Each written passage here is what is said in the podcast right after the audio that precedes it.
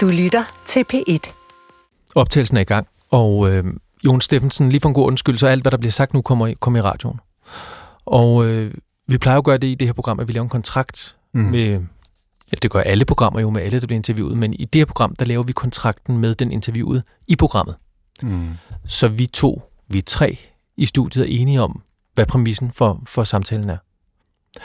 Og øh, det skal jo handle om moderaternes kulturpolitik. Og du er kulturmand, du er teaterchef. Ja. Og jeg vil sige, at vi ser moderaternes kulturpolitik som en eller anden form for varm luft. Ja. Og jeg tænker, det vi skal undersøge i det her interview, det er, hvor varm luft er det? Er der overhovedet noget substans, som vil give os bedre kultur? Mm-hmm. Og det er det, det, det, det her interview går ud på. Det er at undersøge substansen i moderaternes kulturpolitik. Kan du, kan du skrive under på den interviewkontrakt? Ja, det kan jeg godt. Jeg kunne godt have lyst til at spørge om hvorfor. altså, hvorfor, hvorfor hvad? Hvorfor varm luft? Jamen, det... Men øh, det ved jeg, men jeg kan godt skrive under på det. Altså ikke på, at det er varm luft, men det kan jeg godt. Okay, men øh, det skal vi jo også argumentere for. Øh, ja, tak. Men det er godt, du er med på aftalen, så lad os starte programmet.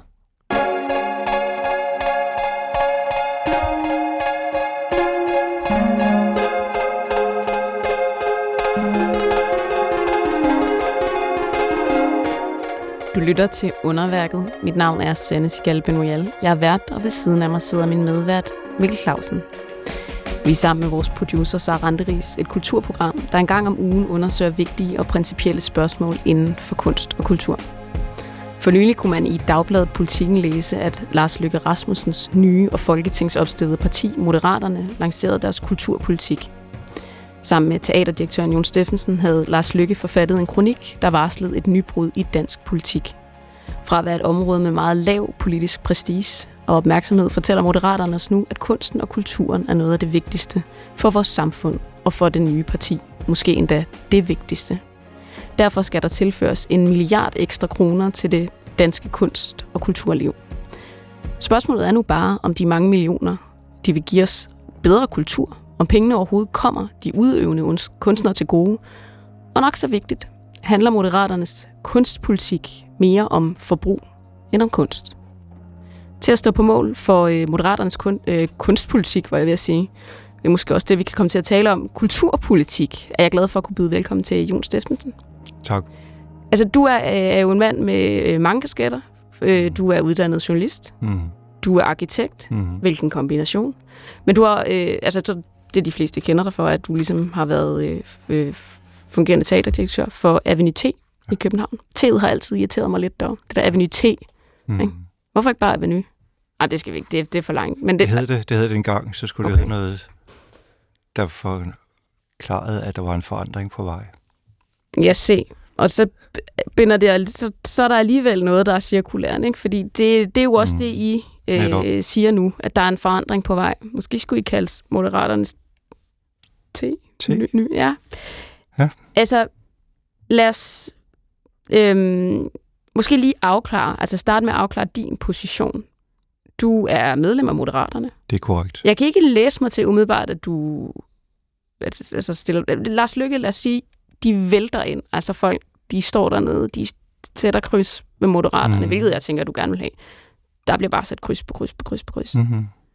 Kunne man forestille sig, at du så skulle være, lad os sige, kulturordfører eller kulturminister? Altså stiller du op? Prøv at, lige nu er jeg teaterchef. Uh, og jeg har skrevet en kronik, men jeg er teaterchef. Man kunne jo øh, argumentere for, at vi allerede nu er ude i, at du giver mig et politikersvar, Jon. Mm, ja, det kunne man. Men altså, jeg, jeg ved, at øh, er det ikke den 5. juni, grundlovsdag, at der bliver kandidaterne præsenteret? Og sagt helt, og det er ærligt, jeg er jo under ed her, har jeg jo nærmest som om det er. Føler øh, du det som et forhør? Til en vis grad jo. I sidder der i, med en i hvid skjorte med oprullede ærmer, og det der øh, høreaggregat får en til at tænke lidt på sådan noget. Sådan det der. Nå, men øh, når det så er sagt, så, øh, så er det jo først der, det bliver offentliggjort. Og hånden på hjertet, jeg ved ikke, om jeg er kandidat Det ved jeg ikke. Du Jeg ved kunne- det ikke, eller du vil ikke sige det? Jamen, der kan jo ske så meget. Det, Men du ved det ikke, det her, eller du jamen, vil ikke de sidste par måneder har jo vist, at der kan ske ufattelig mange ting. Øh, og når jeg siger det, så er det fordi, det bliver først der, jeg har ikke fået en officiel anmodning endnu. Øh, så på den måde, så vil det være helt øh, skævt af mig at sidde og sige, at, øh, at øh, jeg stiller op, eller jeg er kandidat. Stod der ikke øh, i den kronik, som vi så også kommer til at tale om, Mhm. øh, stod der, at du var forfatter på den, eller stod der ikke både dig og Lars Lykke var forfatter Vi stod begge to på, jo. Ja. Hvem har, hvem har skrevet den?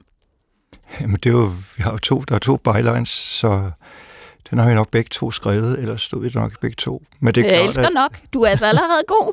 Kan, det har vi nok men, begge to men, gjort. men ja. lad mig så sige det på den måde, at den er jo blevet til over... Øh, øh, den er blevet skrevet øh, i sidste uge, men øh, hvad må sige, samtalerne har foregået over det sidste halve år. Så det er et koncentrat af halve, et halvt års samtale, ikke bare mellem Lars og mig, men også mellem forskellige andre. Skal vi ikke lade den ligge der? Den har de Jo. nok begge to skrevet. Det synes jeg. Altså, øhm, jeg synes, vi skal tale om de konkrete forslag, der faktisk er i den kronik, Mm. som handler om dansk kunst og kulturpolitik. Og øhm, I starter med at sige, at vi bruger en ekstra milliard på kunst- og kulturliv. Ja. Og så er der jo altid det der spørgsmål, hvor skal pengene komme fra? Men det tænker vi egentlig ikke at gå ind i, fordi der er jo milliarder i det danske budget. Det kan vi jo se. Der bliver forhandlet forsvarsforlig for 18 milliarder vedtaget på en uge. Så de penge er vi sikre på, at I nok skal finde. Det, som vi gerne vil gå ned i med dig her, Jon Steffensen, Mm. det er, hvordan skal pengene bruges, Mm. og hvordan øh, vil det og hvad vil det betyde for, for danske kunstnere og for vores kunst- og kulturliv? Ja. Og lad os starte med jeres første forslag. Øh, der foreslår I et kulturpas til unge mennesker. Ja. Og der skal jeg lige forstå, mener I, at der fra 15 år, er det 2.000 kroner som et indgangsbeløb, eller er det 2.000 kroner hvert år, fra man er 15 til man bliver 18-25? Eller hvad tænker I? Som det står her, er det det år, man bliver 15. Men, et indgangsbeløb. Ja. Men er det en succes? Det, det, det er ikke faktisk ikke så voldsomt mange penge. Mm. Øh, hvis vi regner efter, nu har vi ikke begyndt at gå i det er jo en kronik, så der er grænser for mange kroner og øretal, der skal stå i en kronik. Men det er ikke så mange, voldsomt mange penge at give en årgang den mulighed. Og hvis det er en succes, kunne man sagtens forestille sig, at den hed 15, 16, 17. Og så skal jeg bare lige forstå, de 2.000 kroner er så et kulturpas, som unge kan bruge til idræt, computerspil, øh, teaterforestillinger, altså kultur meget bredt defineret. Mm. Er det rigtigt forstået? Ja, ikke computerspil. Ikke computerspil. Nej. Så hvad, hvad, Ej, det, hvad, er, så det, hvad skal det er så for bredt funderet, at det kan bruges til fem ting. 400 kroner til hver. Koncerter, museer, litteratur, bøger, teater og film. Okay. Så det, det, det kan ikke, det kan, man, det kan ikke Og bare... eller øh, som et øh, medlemskab af en idrætsklub. Sport er også vigtigt. Okay. Sande?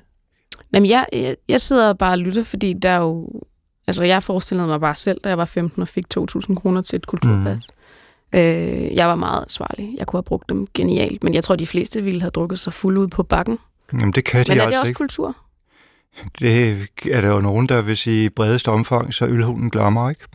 Men det, det er ikke det, der er meningen. Og det er heller ikke det, de kan gå til. Prøv lige at sige de fire ting igen. Koncerter, litteratur, Biografer, biografer. museer og teater. Okay. Det er 400 kroner, kan man sige, til hver ting. Det vil sige, at du kan godt finde en koncert i Vega. De fleste koncerter kan man faktisk godt få for 400 kroner. Det kan også være, at du finder en, en klassisk koncert ude i Danmarks Radio. Det kan også være, at du vælger at gå en tur i Avenue eller Betty Nansen eller Det Kongelige Teater. Det kan også være, at du vælger at gå i biografen et par gange. Ideen med det her, det er jo ikke sådan noget, vi bare lige selv har fundet ud af. Det findes faktisk i Norge. Det hedder det den kulturelle rygsæk. Og det synes jeg faktisk er et rigtig godt ord. Det er simpelthen for at få en rygsæk på med noget kultur i. Alt findes i Norge, men de har også uhyrligt mange gode Ja. oliepenge, ikke? Jo, altså, men, bare øh, ikke for jo, at snakke, men hvor lige- pengene nej. skal komme fra. Men lige det her er faktisk rigtig godt. Det, det handler om faktisk, det er for alle med. At alle får chancen, alle får lige adgang. Og det er ikke kun os privilegerede, der måske kommer fra et hjem med, som det hedder, klaver, der får muligheden. Altså det er at prøve at lave et mere sammenhængende Danmark, og et mere fælles, og et mere vi end dem og os.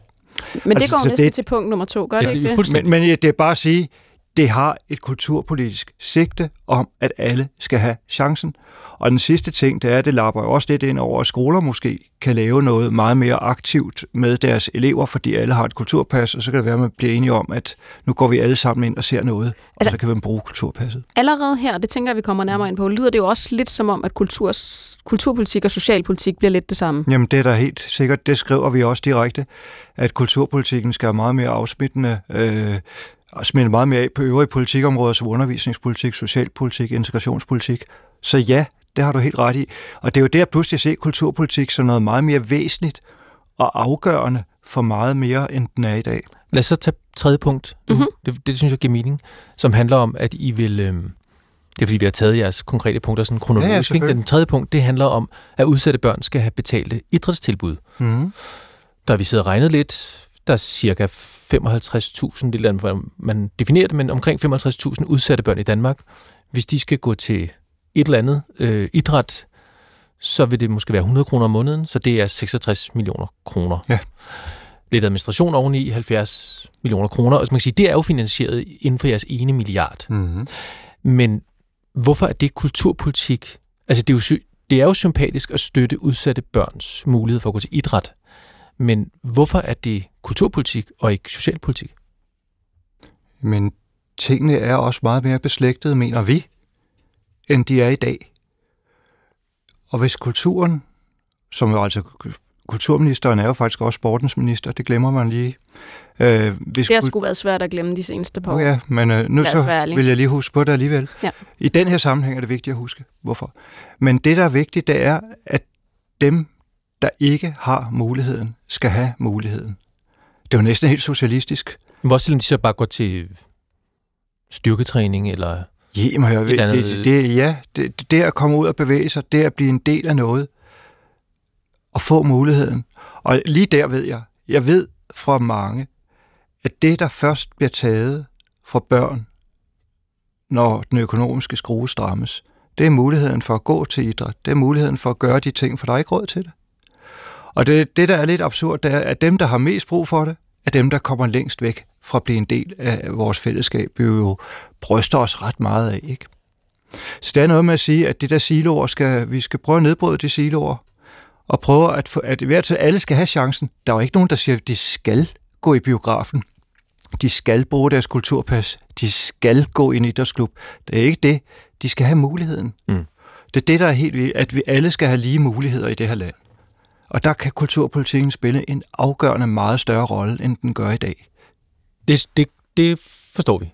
Øhm, der er lige et andet et punkt. Det kan man så godt kalde forbrug. Øh, Jamen det er du ikke. Men altså, så er alt jo forbrug. Men lad mig lige, der er lige et andet punkt, som vi lige kan tage Også når jeg tager til Kreta og ser et tempel, ikke? det er jo også forbrug. Det er klart. Der er, men der er bare lige en, en, en, en, en ting, vi også lige skal igennem, og det er jeres forslag om gratis adgang til børn og unge til museerne, til statens samlinger. Mm. I skriver ikke direkte det til børn og unge, men det er i en, i en, ligesom en, et, et afsnit, som handler om kulturpolitik til børn og unge. Og der skriver I, at statens samlinger, Statens Museum for Kunst, Nationalmuseet, Biblioteket, Moskov. så videre, så videre, skal være gratis til børn og unge. Ja. Men det er jo allerede gratis. De langt de fleste af statens samlinger er jo gratis til børn og unge. Så det er vel et gratis forslag for jeres vedkommende? Ah, det er altså ikke helt rigtigt. Der var et tidspunkt, hvor museer var gratis. Synes jeg ikke kun til børn og unge. Jeg kan sige, at jeg har prøvet før og efter. Det, på et tidspunkt var det gratis. Så gik jeg tit med min datter, hun er 11 nu, men dengang gik jeg på Statens Museum for Kunst. Det var gratis at komme ind, og så betalte vi 40 kroner for at komme ned i det der legeværkstedet, eller værkstedet, hvor man kan være kreativ nede. Men det er stadig men det er Jamen, lad mig lige sige. Ja. Så gik der et, et år eller to, så kostede det pludselig 110 kroner at komme ind, når jeg kom som far med min datter. Og vi skulle egentlig bare derned. Nu er det slaget om igen. Når man så kom derned, så hvor det før var sådan meget mange forskellige mennesker, der var dernede, så kunne man nu se, at nu var det alle og man kunne se på to ting. Dels var, havde alle børnene nogle meget lækre frisyrer og lækker tøj på, og dels vil alle forældrene hen og være med og være kreative, i stedet for at lade børnene være det. For det var det pludselig en kreativ klasse, der var rykket ind, fordi de havde pengene, mens alle dem, der var der før, de var der ikke længere. Så det du siger, det er, det er at man er nødt til at gøre, give forældrene gratis adgang for at få alle børn med.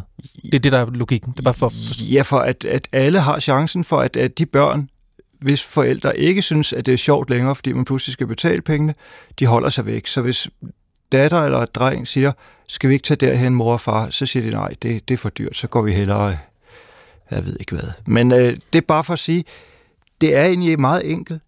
Øh, det er ikke så meget penge, det er, at alle skal have nogle lige muligheder for at tilegne sig kunst og kultur, Men, og, blive, og, og hvad det, det betyder for os at stifte be, bekendtskab med det. Men hvis vi så går væk fra penge og øh, om det, jeg egentlig måske vil kalde socialpolitik. Anyway, måske. Det er socialpolitik, det kan ja. du godt kalde det. Jamen, så synes vi skal kalde det. Det er fair nok. Jeg siger, at øhm, kulturpolitik ja. er også socialpolitik. Ja. Jamen, det er også undervisningspolitik. Det er også integrationspolitik. Så det er den præmis, ja. den går jeg med på. Den køber du. Ja. Øhm, men hvis vi så går væk fra, fra, fra pengene, så kan man sige, så er der også et, et gratis forslag øh, om at, altså obligatorisk morgensang. Ja. Som jo, det er helt sikkert for nogle forældre lyder dejligt, og det har ikke noget med penge at gøre. Det er igen lidt noget med at ja, det er indføre... Ikke noget, det, er, det er faktisk ja, det, gratis, ja, det, det er det. rigtigt. Men man kan sige, det der så er spørgsmålet her er jo så, det er ikke specielt liberalt, vel? Altså Nej. det der med at skulle... skulle at tage frihed, Nej. det er at fjerne det frie valg. Ja. Selvbestemmelse hos skolerne og så videre. Helt enig. Det er bare, er det en kurs også? Er det Nej, en jeg tror også direkte, vi skriver, at vi går ind for frihed. Men lige her ligger der en kæmpe gave i det, øh, at få lov Altså det, er jo, det, der er så interessant, når man går i skole i folkeskolen, der er vi alle sammen. Det er vi enige om, med mindre med pjekker eller skulker eller øh, er udenfor. Øh. Men de fleste af os, vi er der. Det er et fællesskab, og derfor har skolerne en enestående chance for på nogle punkter at sørge for, at vi alle er fælles om noget. Helt fælles på lige fod. Og det at synge fra den danske højskolesangbog er en fantastisk gave i at lære sprog, lære vores sprog, hvad det betyder, få nye ord ind, at synge sammen. Det er helt vildt, hvad, hvilke muligheder der ligger i det. Man kan egentlig undre sig over, hvorfor at vi ikke gør det noget mere. Det er jo egentlig sjovt, at sang var jo ret populær her i coronatiden. Der var det jo pludselig helt vildt, at det var det, der skabte et enormt fællesskab. Det var, vi sang sammen lige pludselig. Jeg, så jeg, tror, også, det, jeg tror, at DR var ret meget med på vognen, så vidt jeg husker. Men hvorfor er det som om, at det der, det synes man virkelig er underligt. Jeg gjorde det faktisk, da jeg gik i skole, der sang vi hver morgen sammen. Vi, vi, man gik ned i Nifrit-kvarteret, og så gik man hen i sådan en aula eller gymnastiksal. Så sang vi to, det var salmer. Så sang man en salme, øh, og jeg, jeg kan, det er jo ikke fordi, det handler om mig, men jeg kan i hvert fald sige, at hvor har det givet enormt meget, at kunne de der salmer, og kunne de vendinger, og forstå det danske sprog, og forstå noget om kultur og historie. Man får så meget, det, man får så meget ind der, og i en tid, hvor vi jo netop snakker om integration. Nu viser sig måske, at vi får en masse nye elever i klasserne fra Ukraine. Så, og de bliver her måske nogen tager hjem, men jeg tror godt, vi kan regne med, at der er mange af dem, de skal være en del af Danmark øh, mange år frem. Ja, det kan vi forstå. Lad os, da give dem, lad os da prøve at lave noget, der på en eller anden måde skaber, det her, det er Danmark. Fordi de der danske højskolesange, de er jo på en eller anden måde det, der tegner Danmark i sådan et langt træk. Men det forstår jeg alt det der, det lyder, og det jeg mener, det, det, det, det, det, det, det lyder derfor. skønt. Det var mere bare for at sige, den kurs, I sætter, er ikke helt så liberalistisk, som vi har set. Lige, for eksempel Lars Lykke. Nej, altså. Lige det her er så vigtigt. Ja, at, og, og så vil jeg sige, jeg tror, der er sådan en anden ting her. Det er jo altså ikke Venstres formand, der har lavet det, der er Venstres formand længere. Han er formand, eller hvad det nu hedder, i Moderaterne. Og jeg tror, vi bliver nødt til at forstå, at Moderaterne er hverken røde eller blå. Det er et parti på midten. Det siger alle partierne. Nej, nej, ja. jeg siger bare, jeg tror, I, I skal jeg forstår godt, vi har alle sammen fordomme, mm. men jeg tror bare, det er vigtigt at forstå, at det faktisk, når, når I siger det med det liberale, det er jo fordi, at Lars Løkke ja. engang var formand for Danmarks Liberale Parti. Men derfor var det jo også det er han ikke længere. Jo, ligesom det er han ikke længere. Nej, og det var, derfor det var interessant derfor, at afsøge, ja. hvad er det så, han er nu? Jamen, altså, det, med det, det parti, som I laver at det, her, det er en mand, der har flyttet sig. Ja. Men jeg kan godt forstå, at der er mange, der har lyst til at fastholde om både politikere og modstandere, og måske også lidt... Ligger Ej, det, lidt- det, det, det, men det kan jo godt ligge lidt... Jeg var bare ved at Jeg- jeg kortlægge, lidt hvor har han flyttet sig hen, Jon. Det var bare det. Jeg har var ved at kortlægge. Præcis. Og derfor så er der nogle ting, hvor man ikke er så liberal, som man var engang. Okay, nu skal vi videre til noget andet, som vi foreslår, som er meget konkret, vil jeg sige. Øhm, det er måske nærmest noget af det mest konkrete i jeres øhm, kronik, Mm-hmm. som handler om, at I vil sætte de der obligatoriske klassikere på danske teater, Holberg, Molière osv., I vil sætte ligesom det valg, hvad vil man sætte op, det skal være frit for det enkelte teater, og så vil I indføre en form for royalty på klassikere. Ja. Så, så man skal jo ikke betale penge for at spille Holberg, fordi han, han har været død i over 70 år, og så skal man ikke betale penge til forfatteren, og de penge, de 10 procent, man ellers betaler til en, se om jeg forklarer det rigtigt, til en forfatter, til en, Nu levende her. til en nulevende, de penge vil I så pålægge dem, der opfører klassikere. Er det rigtigt forstået? Og de penge skal så overføres til ny dansk dramatik. Ja, jeg vil sige, jeg jeg, jeg, tror, jeg kan sige det lidt bedre. Ja, det, Vi det er også vil, dit vi, vi vil parkere dem. Det rigtige i dag er klassikere. Der er en klassikerforpligtelse. Det Kongelige Teater, Aarhus Teater, Aalborg Teater og Odense Teater, det er landsdelsscenerne, har det, der hedder en klassikerforpligtelse. Det gør, at man skal spille klassikere. Det vil sige, at klassikere er vigtige. Klassikere skal ikke spilles, fordi man skal. Klassikere skal spilles af nødvendighed og af lyst. Men pengene, Men, og de skal ikke spilles, fordi de er gratis. Fordi det, der sker, det er jo, at sætter man klassikere op for at spare, øh, altså 10% er billig i royalty. Et nyt stykke, øh, hvis man bestiller et stykke, som er best, øh, det hedder bestillingshonorar osv., så koster det ofte omkring 16% af, øh, af, af, af, af billetindtægterne. Så er det, vi siger, der er i øjeblikket bliver der spillet rigtig mange klassikere. Bliver de spillet alene, nogle af dem, fordi de er gratis? Der er virkelig en mangel på ny dansk dramatik. Hvem skal sidde ved siden af Holberg og Øenslæger, når vi ikke skaber nogen nye? Stoppede virkelig vores tid med Holberg og Øenslæger? Skulle vi ikke prøve at finde nogle nye? Skulle vi ikke prøve at skabe et... et, et, et det, er også et, det er også kulturpolitik, det her. Det er jo kulturpolitik. Men skulle vi ikke prøve politisk at animere til, at man faktisk får nogle af de vanvittige nye, dygtige danske dramatikere meget mere på banen, og de får chancen. Og så kommer vi med sådan en lille gulderød. Vi siger, at vi parkerer, vi sætter 10% på, vi parkerer de der 10% royalty i teatret, og vi fordobler det, når de går til ny dansk dramatik. det vil sige, det er en form for ekstra øhm, afgift, udgift for dem, der spiller klassikere, og de penge bliver Det er, ikke, overført. det er ikke en udgift. De bliver i teatret. Man kan kalde det notching.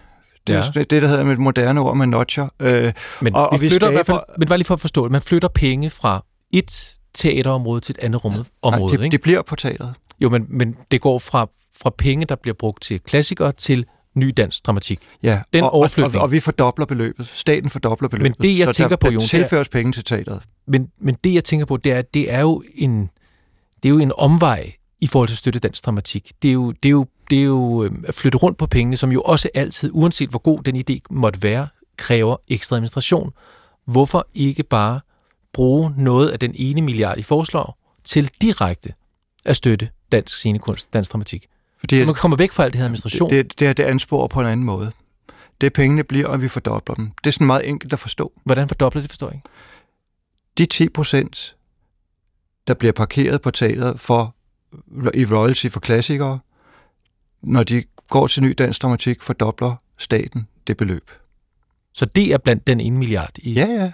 Så sta- øh, teatret får tilført flere penge det øjeblik, at det spiller ny dansk Og på dramatik. den måde støtter vi nye danske dramatikere. Nu er jeg i hvert fald klogere. Så ikke, om- det, det er faktisk at tilføre og samtidig også gøre op med den der forpligtelse. Det er at ophæve stavnsbåndet det år, Dansk Teater fylder 300 år. Der synes jeg, vi skal opholde stavnsbåndet omkring klassikerforpligtelsen. Og Jeg, det er, jo kultur, det er jo et kulturpolitisk udspil. Det er det da. jeg er ikke sikker på, at vi kan nå det sidste punkt. Mm. medmindre vi gør det lidt hurtigt. Så nu Mhm. spørger jeg sådan her. Der skal oprettes en eller anden form for kunstfond, altså en ny kunstfond, en vækstfond, det her det er citat, en vækstfond, der Mhm. skaber økonomi og genererer arbejdsplads inden for kunst og kultur. Hvad skal den her kunstfond, som alle de andre kunstfonde ikke kan? Det her skal gå lidt hurtigere, og det er ikke at decideret. Det kan godt være, at vi laver en bestyrelse for eksempel, der er ligesom en, en, en fond, en, den Obelske familiefond, eller sådan, hvor der er det sådan meget mere sådan, kan man sige, mm, en anden form for bestyrelsen inde i Statens Kunstfond. Det er sådan meget kunst, når der sidder derinde. Lad os sige, man har det der tårn, der er dernede ved Gisselfeldt, det der spiraltårnet, det, det har jeg alle sammen hørt om. Det er jo sådan meget et, et sted, man godt kan forestille sig, der man kunne have henvendt sig for at få, hvad det ikke har genereret af rundt om af, af, af, af herregårde, hvor man sover på og spiser på og går ud og laver bål og alt muligt. Altså sådan en idé, i, specielt i udkants Danmark, der er også noget på Falster, eller så er nogle statuer, der er kommet ud i en mark. Det er at ligesom give de der, kan man sige, muligheder til mennesker, der har nogle tanker om noget, som ikke passer så godt ind i de der øh, normale måder, man søger på. Så forskellen er, at det skal gå hurtigere? Ja, og det er nogle andre mennesker, der øh, højst sandsynligt vil, vil kunne søge det. Ja. Okay. Vi er ved at løbe tør for tid. Lad os afmelde programmet i en fart.